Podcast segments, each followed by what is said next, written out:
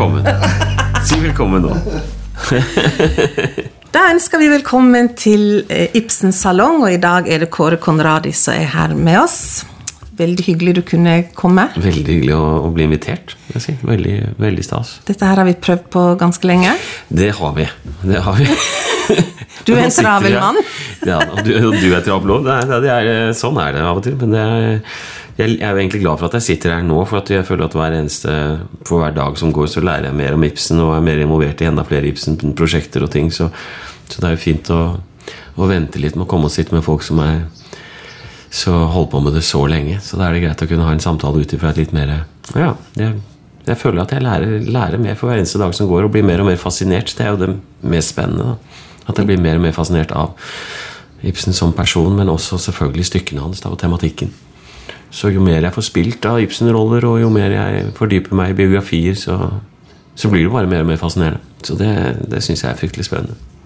Ja, fordi vi har jo prøvd på dette lenge. Ja, Og for hver gang så er du jo et eller annet sted og spiller Ibsen. ja det er vel ikke bare Ibsen, men det, det har vært ganske mye. Ja, Ja. mye, ja. Og ikke bare i Norge. Nei da. Nei, jeg har vært i London nå med med eget eh, teaterkompani og satt opp 'Fruen fra havet' i, eh, i London. I, på et teater der, Coronet uh, Printroom Coronet, som det heter, i Notting Hill. Som var en tidligere opera fra slutten av 1800-tallet, som da ble gjort om til kino på begynnelsen av 1900-tallet. Etter ja, 1930 rundt den tiden så ble det kino veldig veldig lenge. Men det var en opera, og nå er den ført tilbake igjen til å være teater. Så i stedet for å bli en McDonald's, som var planen Så det skulle rives og gjøres om til McDonald's, og så var det en ganske trofast gjeng i Notting Hill med noen eh, velstående mennesker i spissen som da sa at dette kan vi ikke ha noe av. Nei. Så ble den kjøpt opp, og så er den nå blitt kjøpt opp av et, et teater i, eh, som lå i Soho før, som var veldig populært, som het Print Room, fordi det lå i et gammelt trykkeri. Og så kjøpte de opp hele, hele Coronet, og så er det blitt et nydelig teater som jeg nå har vært på to ganger. Først initiativet om å få over Lille Eyolf med Nationaltheatret sin produksjon, som jeg spiller i.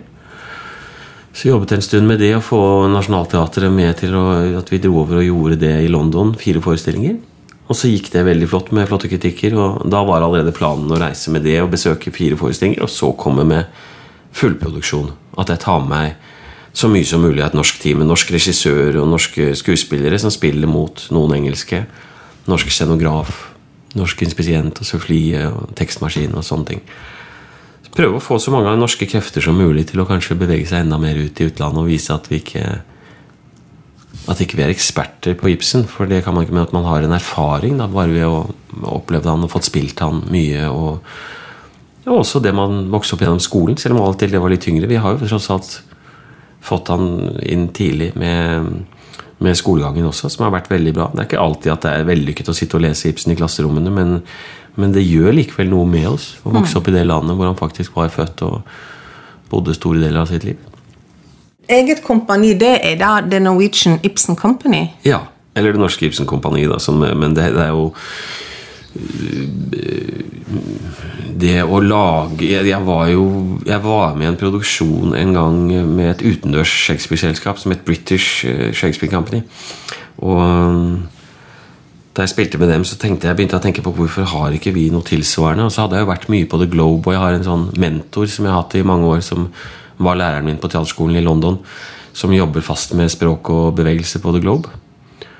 Eh, og jeg har vært på, i Stratford, og, så jeg tenkte hvorfor har ikke vi et eget kompani som kan gjøre mer Ibsen kontinuerlig? Reise mer.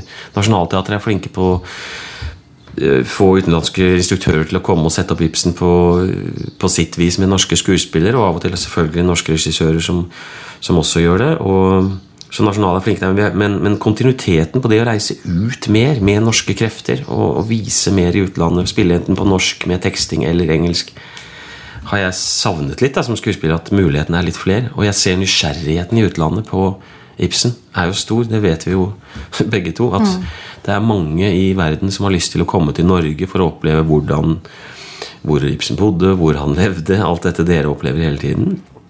Og, men også veldig mange som har lyst til å oppleve å høre Ibsen på morsmålet sitt.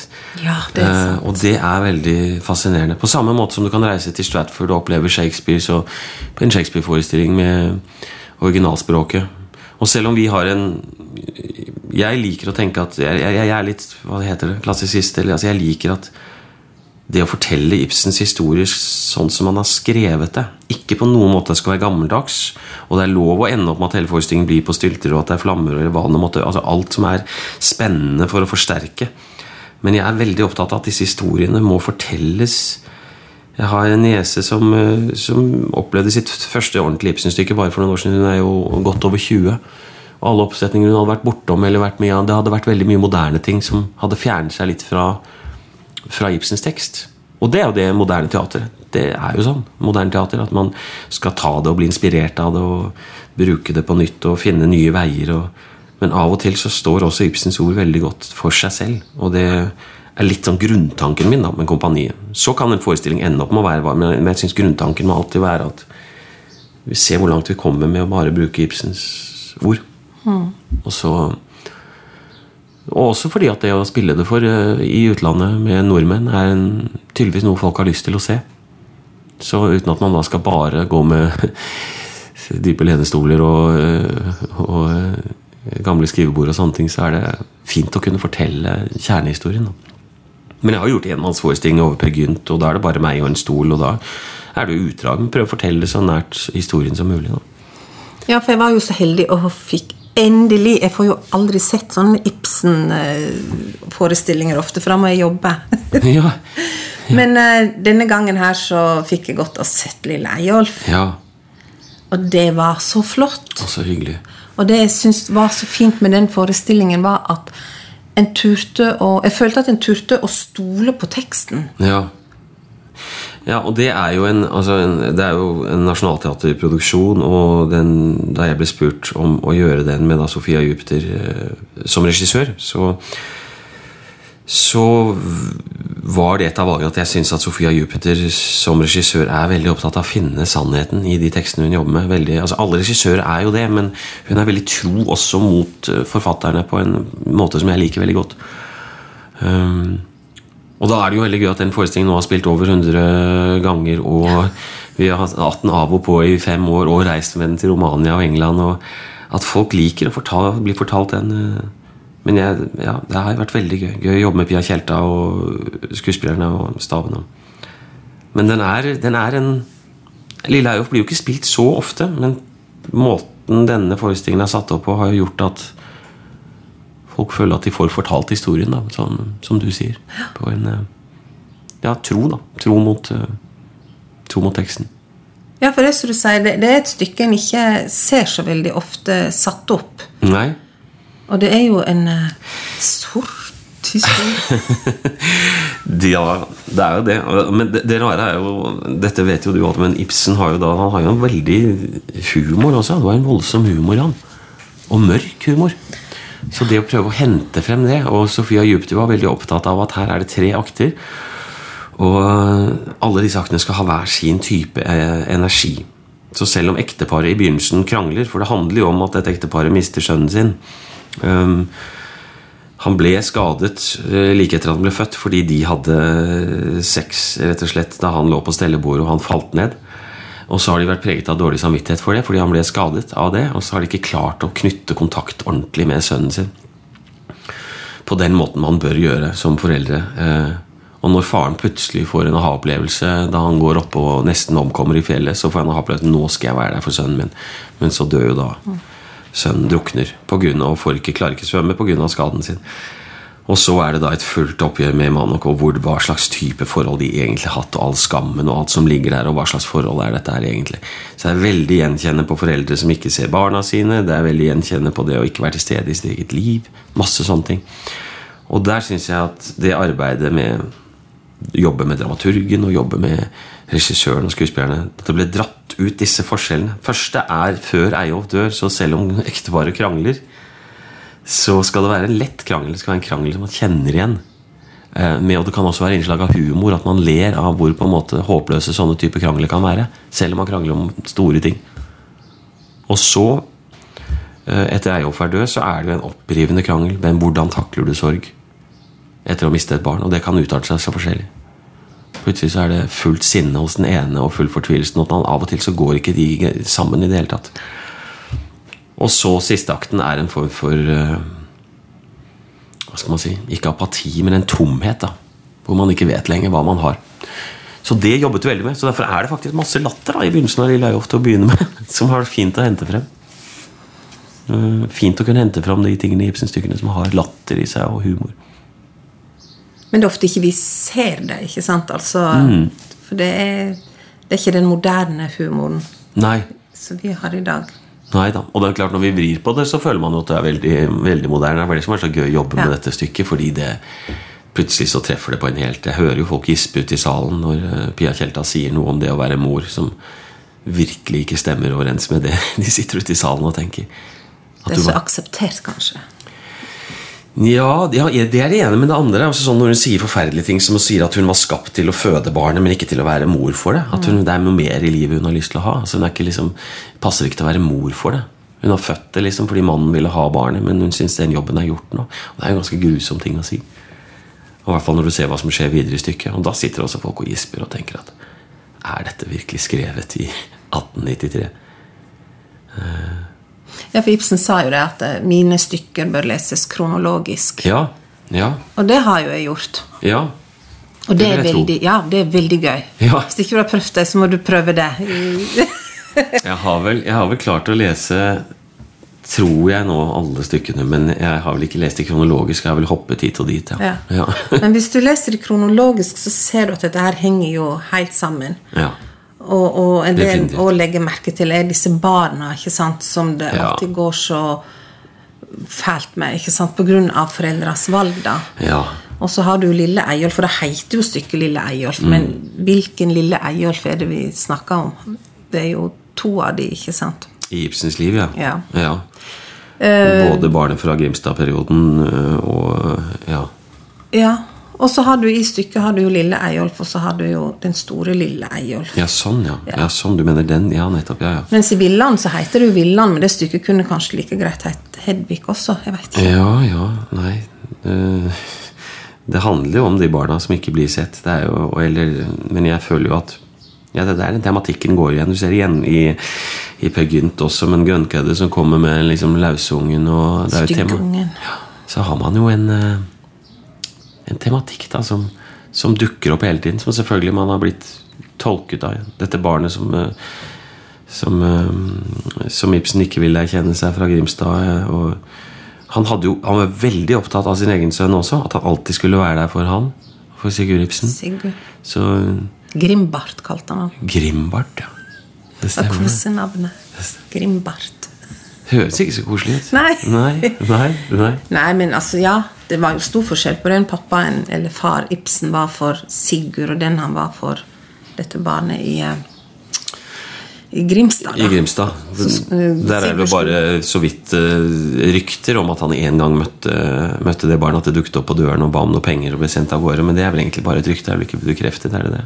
Nei, altså Jeg får jo alltid spørsmål om dette der når jeg er på Ibsen-museet. Da, Ja. og da pleier jeg å si at den historien har du aldri hørt herifra, men det blir sagt at ikke. Ja, nettopp, Vi har ingen kilder på det. Nei. nei. Men eh, Sigurd skulle jo få den beste utdannelse da, ikke sant? Han ble jo statsminister. Eh, mens eh, Jeg hørte et intervju hvor noen lurte på en gang om, om hvorfor Ibsen flyttet så mye rundt men, i verden, men det var fordi at han fordi Pga. skolegangen til Sigurd også. At det var viktig for han å komme på gode skoler. Ja, Og det, være steder hvor det var god, Ja. god utdannelse. han flytta jo mellom Tyskland og Italia på forskjellige steder der. Og så, ja, så var det vel noe med temperatur òg. Det kan bli veldig varmt i Roma om sommeren. Ja, absolutt. og da er det fint Derfor drar ned langs kysten og vannet. Ja, ikke sant?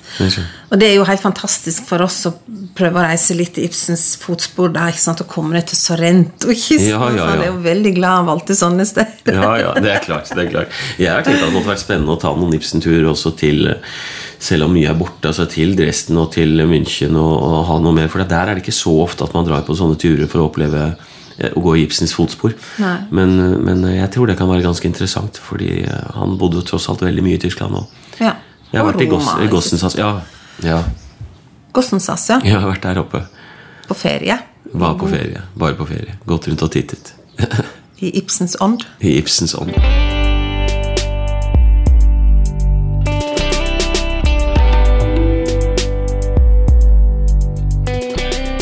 Men disse sluttene i Ibsen sine stykker, da Mm.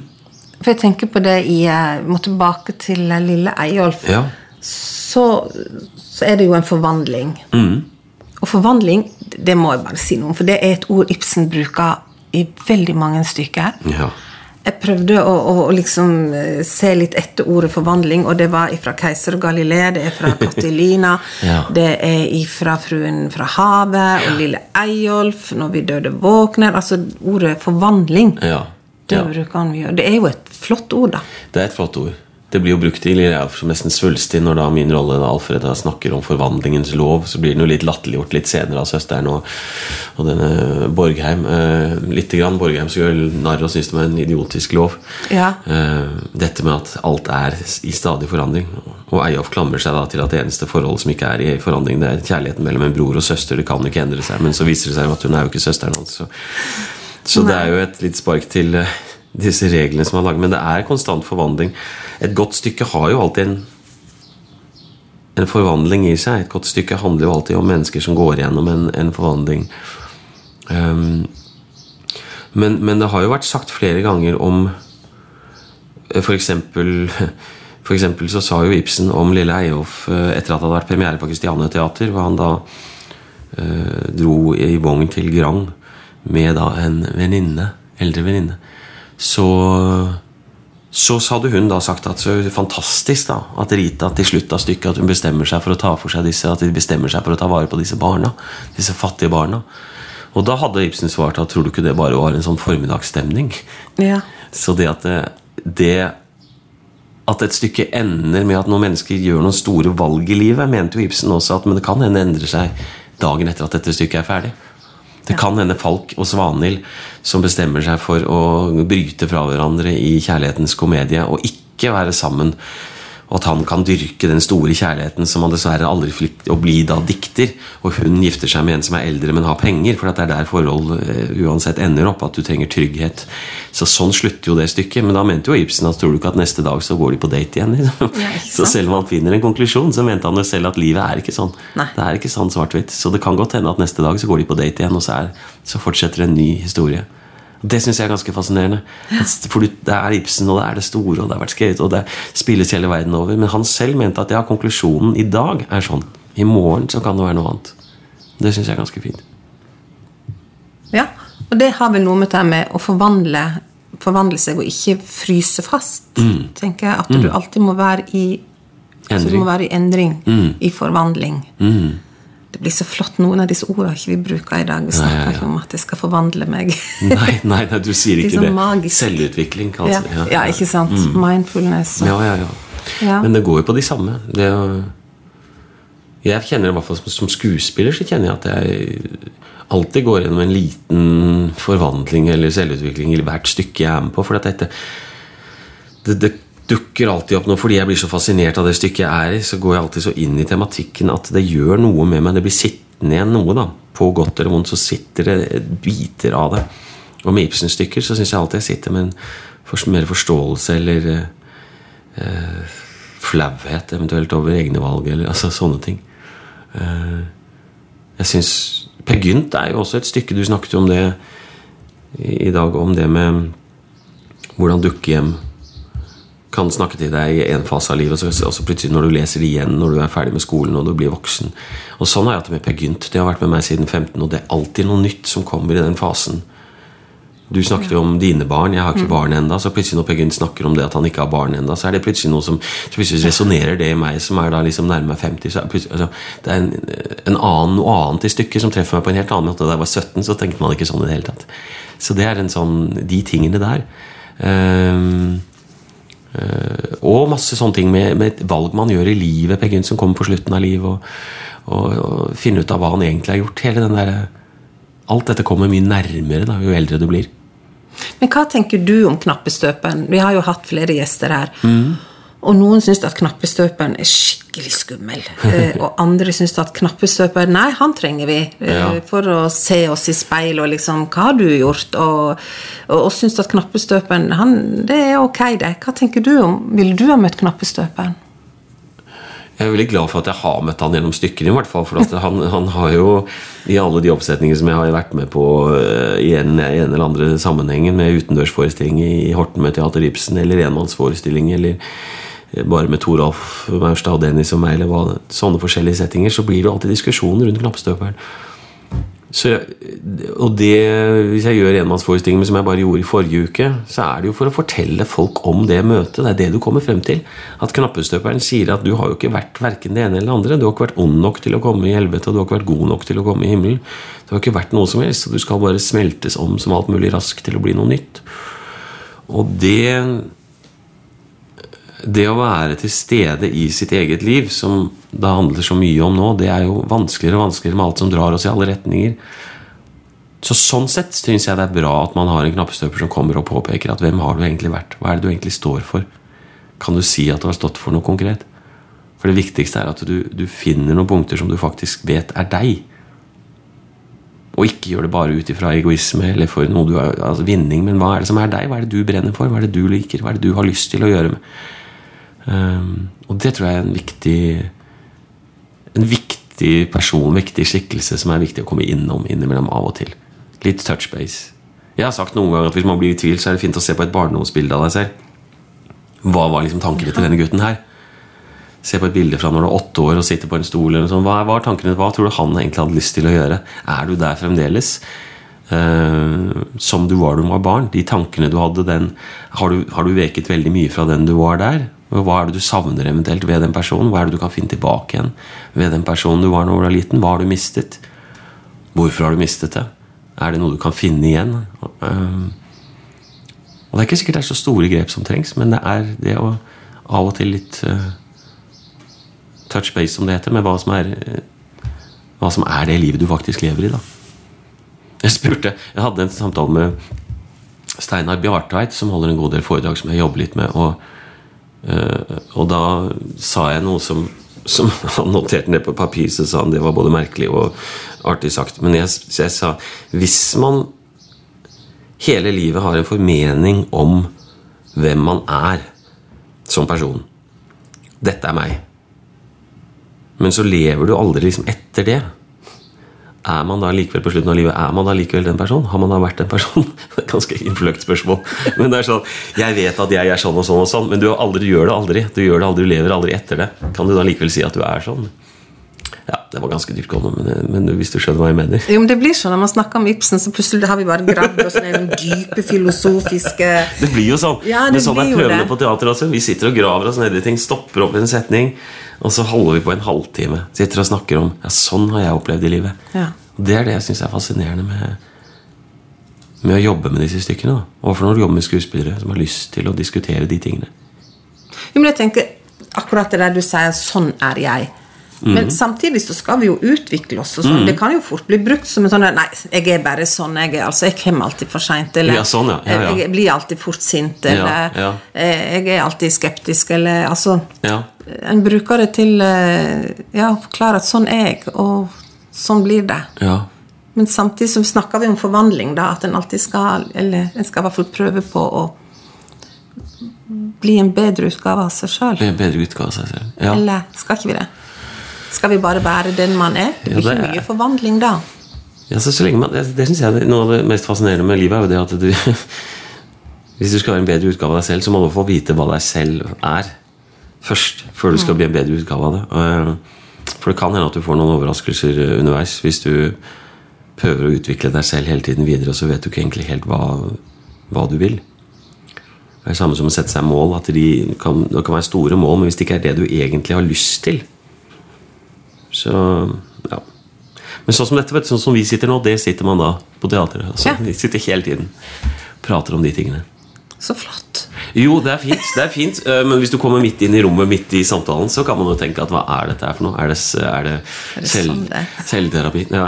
Men, øh, men alt er alltid, fall når jeg snakker om sånne ting, så er det alltid rettet mot å løse disse scenene. Når Pia Tjelta og jeg står på scenen og har en ekteskapelig krangel, så vet vi hva som springer ut ifra måten hun sier det på med ting tilbake. Vi henter ut personlige ting som gjør at det blir fylt opp enda mer. Da. Det syns jeg er kjempefint. Men nå har dere spilt den var det over 100 ganger, du sa. Ja. Og så, ja. Og når dere har gjort det så mange ganger. Mm. Veit dere liksom hva som skal skje? Altså, dere, altså Stykket er jo der, ikke sant? Mm. Men uh, jeg tenker at det som er så fint med teater, det er øyeblikkets kunst. Ja. Så jeg tenker at nå har jeg sett Lille Eyolf, Mm. men hvis jeg går og ser en gang til nå, da forventer jeg nesten å få en annen, annen Ja. forestilling, for det er en annen dag. Ja. uh, og du er i ja, annen, Ja. annet sted. Og, Et annet sted. Ja. Men når dere har spilt det så mange ganger, Mm. er det sånn da? Eller blir det Altså, Vi har jo forskjellige dager, men, men vi er veldig opptatt av Spesielt da Pia og jeg som vi spiller med sammen, det er på Lille Eyolf at vi alltid står sammen rett før vi går inn på scenen. Før hun går inn og åpner stykket og begynner å rote i bagen, så står vi, um, står vi der og sier at nå er det bare oss. Dette er en helt ny dag, dette er et ny publikum, dette er bare oss. Nå må vi bare ta ting som det kommer. Og så lenge vi låser oss fast i hverandre og lytter, for det er noe av det vanskeligste og samtidig viktigste, det å lytte. Det er vel ikke bare for skuespillere? Det er Nei, sånn nei ikke sant, for å være til stede. Du kan, Ja. være, altså, du kan svare på ting eh, litt sånn halvveis. Eller hvis jeg faktisk hører måten hun sier det til meg, selv om jeg vet hva slags setning som kommer. Men så lenge jeg faktisk lytter, så vil jeg svare annerledes tilbake. Og da tror jeg du som publikum, hvis du hadde kommet igjen, så ville du kanskje sett noe annet, men det kunne hende hadde truffet deg på en like fin måte da, hvis du hadde en fin opplevelse første gang. Hvis vi klarer å være til stede og lytte på nytt. For da blir det nytt for oss også. Men hvis du kommer på en dag hvor man er litt eh, ikke helt fokusert, så blir det ikke den samme, samme opplevelsen. Så det Men der er jeg i hvert fall veldig opptatt av at man skal nullstille seg hver gang. Heller at ikke noe av den latteren som kom i går, ikke forvente at det kommer i det hele tatt. Eller der hvor noen gispet fordi det var så voldsomt sagt. Ikke forvent det i det hele tatt. Men hvis jeg nullstiller totalt, så kan det dukke opp andre steder i stykket hvor de ler. Eller andre steder hvor en sannhet kommer som gjør at noen gisper fordi jeg har vært til stede der og da. Men hvis jeg ikke er det, så blir det en i beste fall en helt grei forestilling. Men det er det vi prøver å unngå alltid. da.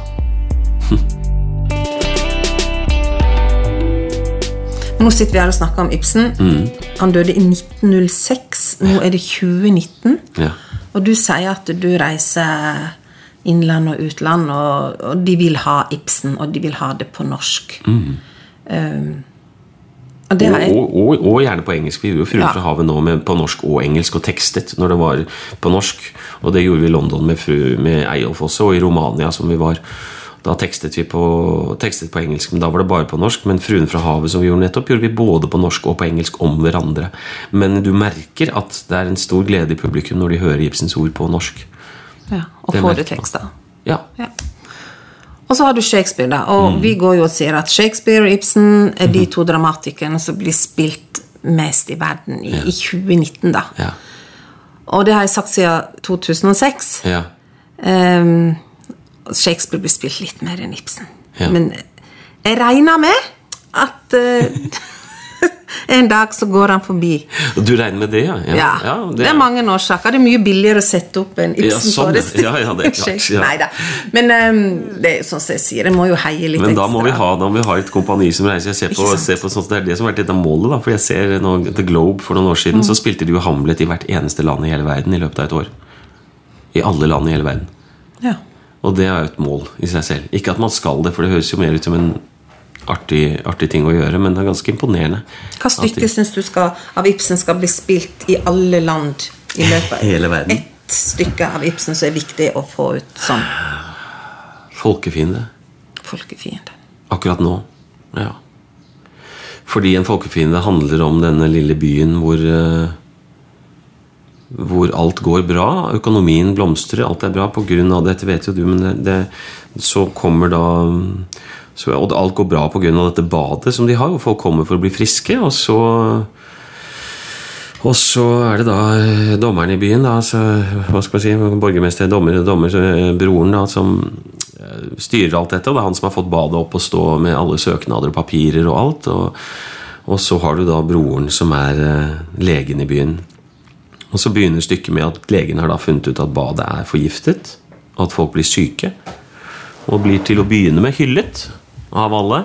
Fordi eh, av de som er rundt ham. Og avisene sier at dette må vi skrive om. Fantastisk at du har funnet ut dette her, og dette er jo så viktig. Inntil da broren kommer på banen og sier at hva skjer med økonomien vår?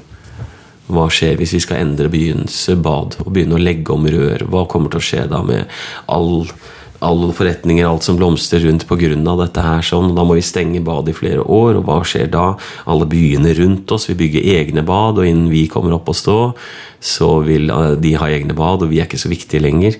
Og er nå dette vannet egentlig så forgiftet som det du vil ha det til? Og så til slutt så er det ingen som vil, fordi alle er redde for sin egen økonomi og sine egne liv, og så blir det en full eh, egoistisk pakke hvor da ja, ingen vil slippe han til i noe medier eller noe som helst. Inntil han får holde én tale, men der blir han ikke sluppet til. For de sier på forhånd at denne talen kommer til å inneholde ting som har om at dere kommer til å tape penger. Vil dere høre dette her? Og da vil de ikke høre på. Og så ender han opp med å holde en tale likevel om småligheten og det å faktisk være uh, Det å være disse fyr... Altså disse postene, disse flankene Innen vi kommer til det punktet hvor hele samfunnet er enige om noe, så er det for sent. Det er disse menneskene som står ytterst på forposten og kjemper kampene sine, som man må lytte til. Og da tenker jeg selvfølgelig Se på Greta Thunberg nå med sitt initiativ for miljøet. Alt som Al Gore har gjort, selvfølgelig, og alt, som alle har jobbet med miljøet. Men nå er vi i en fase hvor miljøet er ekstremt viktig. Og derfor har folkefiende en større impact enn en noen gang. Og, og økonomien, det, og økonomien som står og styrer, selvfølgelig, og alle valg som gjøres. Og, og denne dette enkle stykket til eh, Ibsen, som er helt fantastisk eh, godt skrevet, men som forteller den enkle historien om den lille byen, det har resonans hele verden over. Så det, når du først spør, så tenkte jeg det måtte være i så fall et av de stykkene som burde vært spilt hele verden over. I løpet av et år. For barn og voksne. Helst i år. Kom igjen! ja, men det er mange stykker. altså Det kommer an på hvem man vil treffe. Men jeg syns folkefiende har blitt ganske viktig i det siste. Men Ibsen kalte jo det sjøl vel på at han satt og skrev på et lystspill. Ja, men nok en gang, det er masse humor. Ja. Det er masse humor i det. Det er masse erketyper og, arketyper og masse, masse, rare mennesker som dukker opp, og de forskjellige energien til, til, til redaktøren og til altså, trykkeri Ja, alle. Boktrykker, altså Aslaksen og alle disse forskjellige små rollene. Gamle kapteinen og gamle faren. Det er masse morsomme roller.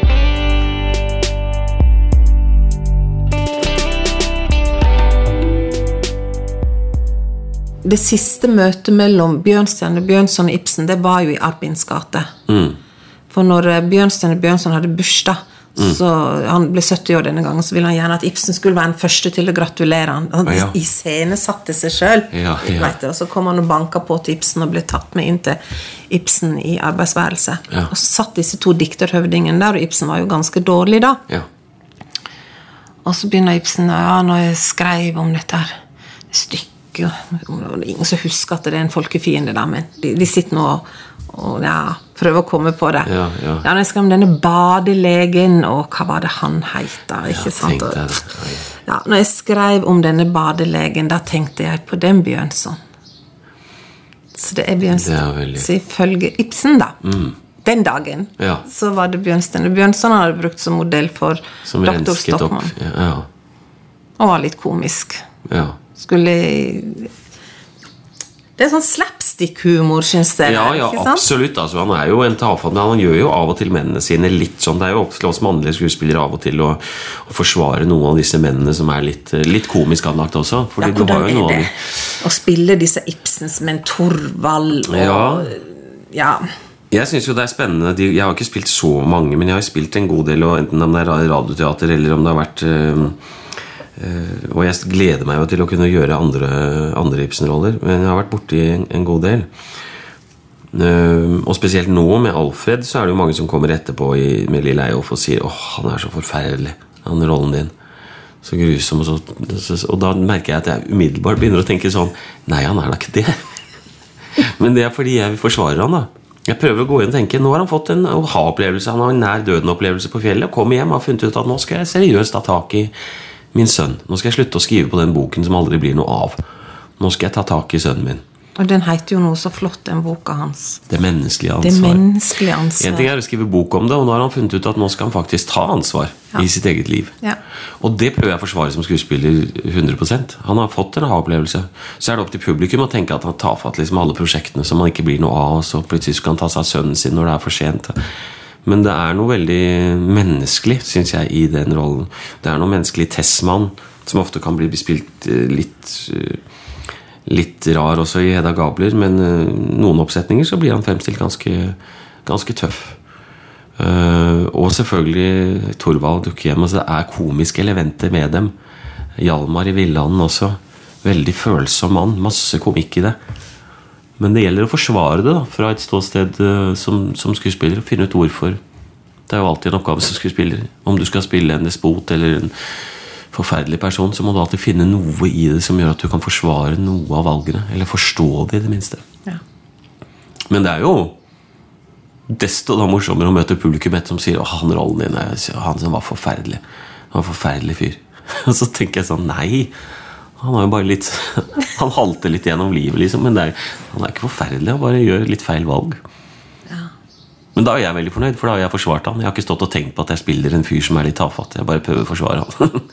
Da kommer han hjem, og så begynner han å snakke om Hun sier at du Altså Direkte oversatt så sa hun jeg hadde pyntet meg, jeg hadde slått ut håret, og jeg hadde champagne på bordet, og alt var klart liksom for at vi skulle ha sex. Og så, så skjedde ingenting. Du rørte meg ikke, du tok ikke på meg, du gjorde ingen verdens ting. Og så sa jeg jeg ville jo snakke om barnet vårt, liksom. Og snakke om om Eyolf og fremtiden vår. Jeg var så opptatt av det. Han har et problem med å være fysisk med henne, for han var så full av angst og dårlig samvittighet for at han ble skadet, sønnen ble skadet. Og klarer ikke og har ikke den kjærligheten til henne på den samme måten. Men, øh, men det er merker publikum at de ler voldsomt hver gang da han sa at jeg, jeg, jo bare, jeg var så ivrig etter å snakke med deg om Eyolf. Og så sier hun at ja, ja, du gjorde jo det. Og så sa han nei, jeg slapp jo ikke til fordi du begynte å kle av deg. Og det er altså veldig sånn litt stusslig. Liksom. Han står og klager på at hun prøvde å være, være liksom flott og nydelig for han og begynte å kle av seg litt sensuelt. Og så, så klager han på at han fikk ikke snakket om meg fordi hun begynte å distrahere ham og kle av seg. Og, og ingenting, altså Det er sånn tafatte ting som, som er gjenkjennelige da, som mennesker. Altså det, er, det, er, ganske ja, det er gøy å se de forskjellige reaksjonene ute i salen.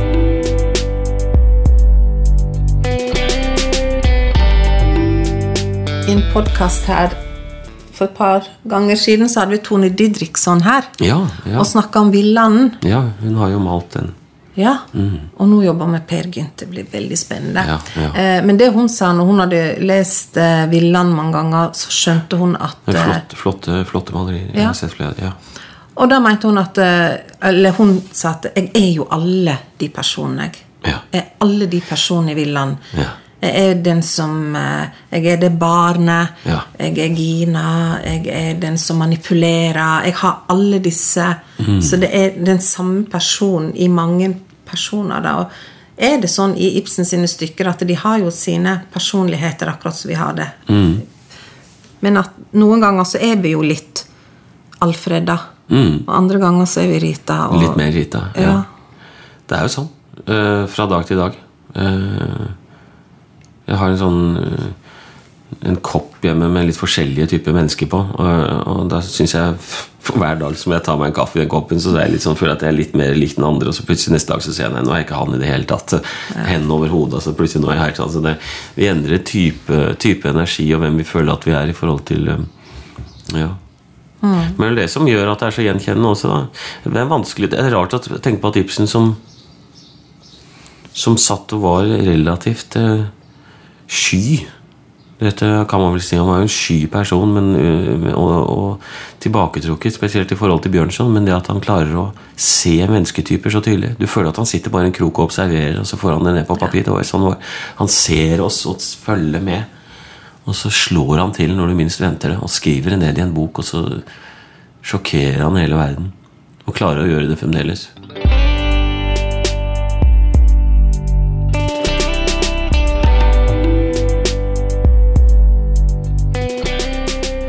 Jeg syns jo det er flott det han sa om at han ikke nesten visste hva kvinnesak var, men at det var en menneskesak. Ja. Uh, at han er veldig glad og stolt over å takke for at han blir liksom tatt inntekt for kvinnesaken, men at han egentlig visste ikke hva, nesten hva det var. Han mente at det var en menneskesak. Det løfter de opp til et uh, altså Det syns jeg er veldig Det, er vakkert sagt. Mm, jeg vet jo ikke, Det kunne vært utrolig interessant om han visste enda mer av de samtalene han hadde. Når det refereres til samtaler at han var så utrolig god til å sitte og prate når han var på tomannshånd og snakke til hver, kunne vært utrolig interessant å vite enda mer om hva han egentlig Jo, men det er jo stedet der de, de beskriver han som en fantastisk god vert. Når han og Susanne hadde selskap, så var han en god vert, og han var, gikk rundt og var morsom, og han underholdt de eldre kvinnene der, og fortalte gode historier. Og så, det har jeg bare lest et sted, jeg husker ikke hvor, men han hadde en vakker stemme. Ja, Og vi har dessverre ikke noe opptak med han. ingenting. Nei.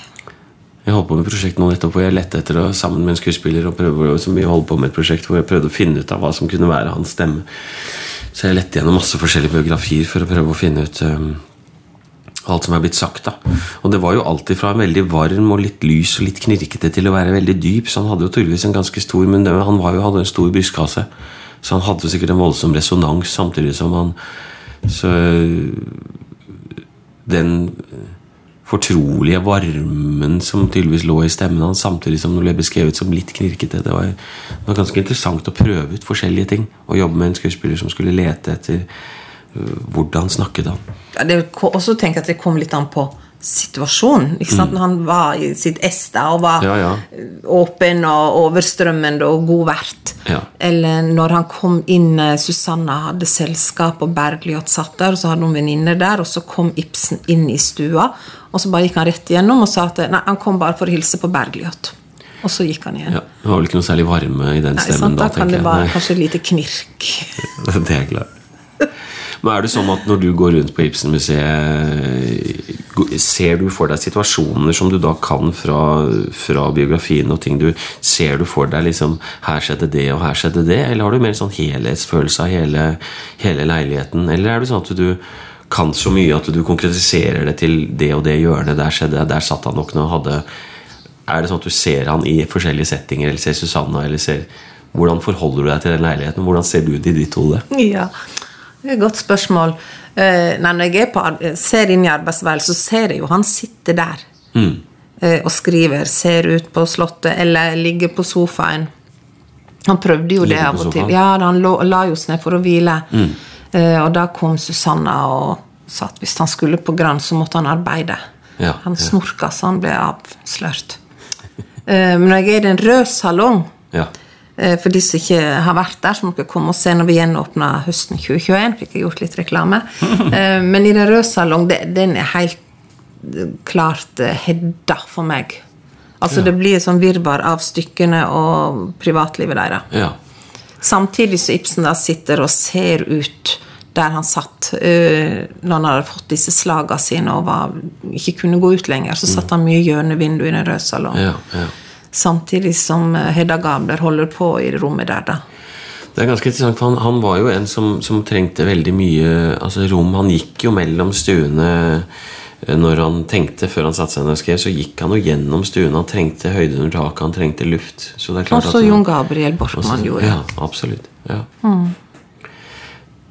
Jeg synes det er det, Hvis du ser på Eyolf, som blir skrevet inne på Victoria terrasse, så hvis du ser på det rommet hvor, som var hans arbeidsværelse, som jo eh, nå er et vanlig, vanlig rom, men, men når du tenker på at han snakker om alt bråket fra barna der nede, som er bråket der nede hele tiden Når han tittet ut av vinduet, så så han jo skrått over på Russløkka skole.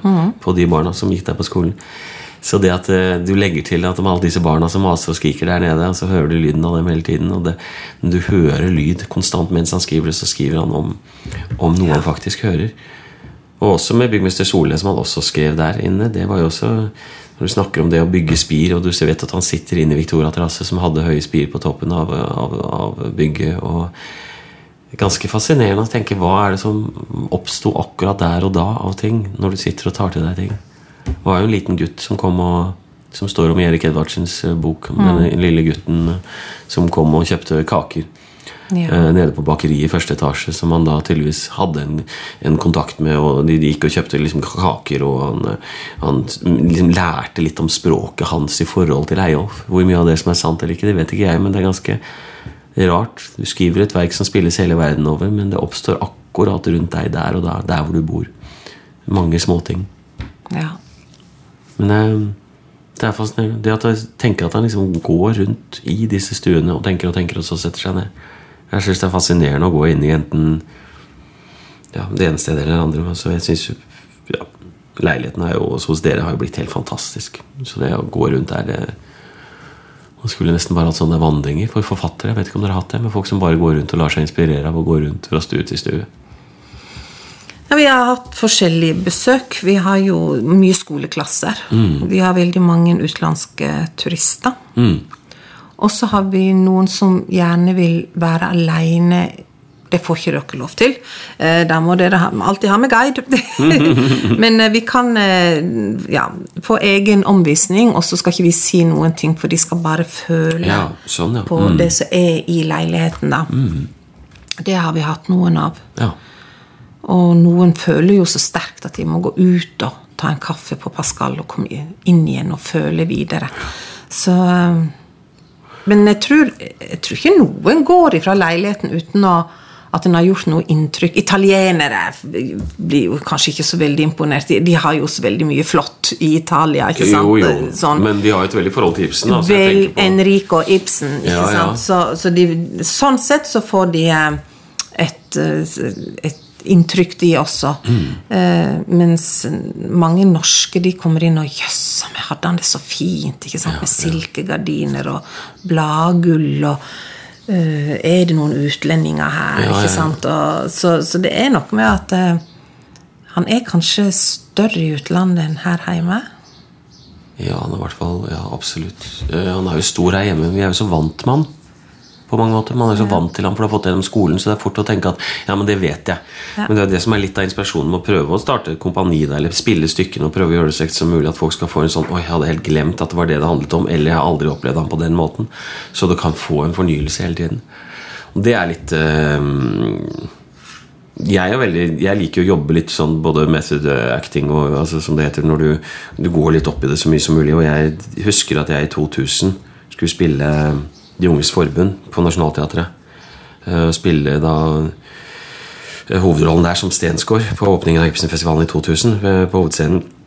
Og det, da fikk jeg lov til å komme opp i, i leiligheten i Arvids gate. øh, og spurte alle om jeg fikk lov til å bare være der litt. Så da fikk jeg sitte en halvtime i leiligheten helt sånn stille med tillatelse via Nationaltheatret og museet. Så fikk jeg bare sitte der.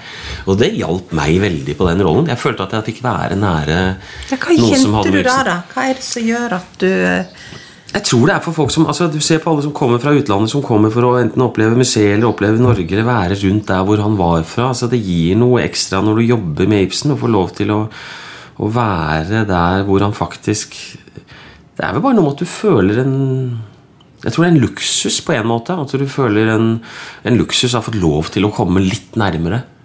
Og så kan du ha med deg det inn på scenen.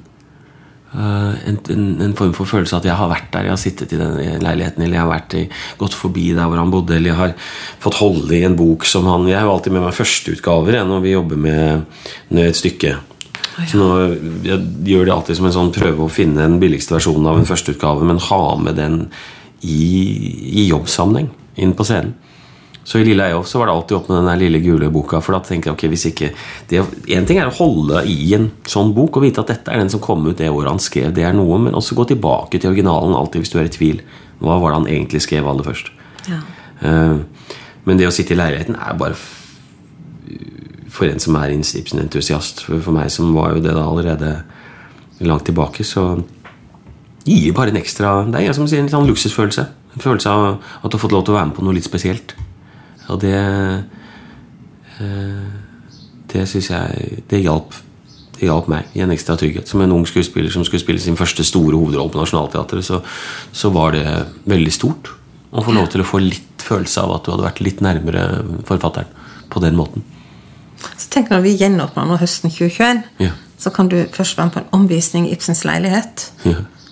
Og så kan du gå ned i teateret og se et Ibsen-stykke. Ja, det er helt fantastisk. Det er veldig bra at man gjør sånne ting. At det, blir tatt tak i det er kjempe, kjempeviktig, og absolutt på tide. Så det er uh, veldig gøy. Jeg skulle lese en H.C. Andersen-lydbok en gang, og da, da sa, spurte de om jeg kunne lese inn noen eventyr av H.C. Andersen. Og det skulle være et studio i Oslo, Og så sa jeg ja. Ehm, jeg, jeg ville veldig gjerne gjøre det, men hvis vi kan gjøre det på en litt annen måte enn det dere har tenkt, så sa de ja, hva da? Jeg, kan vi reise dit han ble født? Og så spille den inn der? Og så fant vi ut at det måtte være dette ene rommet i Odense. da. Eh, Så da dro vi dit, og så dro vi inn på da, museet inne i det rommet vi da mente at det var sannsynligvis her.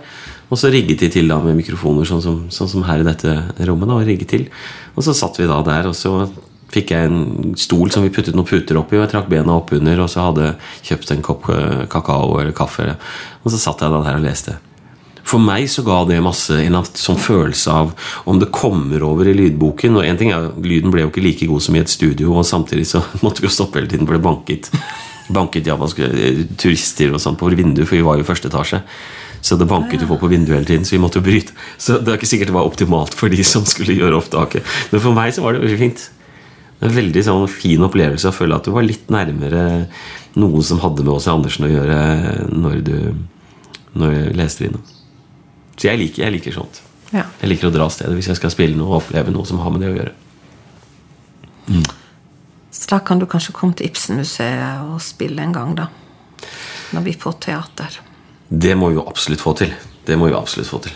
Eh, og, eh, og jeg engasjerer meg jo veldig for liksom For disse tingene. Og ja, jeg syns det er fascinerende. Har, det er mye Ibsen-prosjekter for tiden, så da Ja. vi finner jo på noe. Det er supert. Men kjære Kåre, vi kunne Vi tydeligvis sitte her og snakke ganske mye. ja, absolutt. Ja. Jeg tror kanskje vi må møtes igjen. Må jo nesten det. Vi har jo bare så vidt Introdusert Introdusert, temaet. Så kan jeg fortelle mer om kompani og sånne ting, og hva som er planene litt Ja. sånn når vi, når vi nærmer oss. Nå skal vi reise litt med Fruen fra havet og ja, forhåpentligvis mer med Eyolf også, at ikke vi er ferdig med den. Reise litt mer, men at jeg også med mitt kompani reise med Fruen fra havet litt steder og holde på med nyproduksjoner. Så det er jo flere anledninger til å komme. Det har vært kjempehyggelig å være her, da. Veldig hyggelig. Er veldig hyggelig å ha deg her. Altså. Tusen takk. Ja,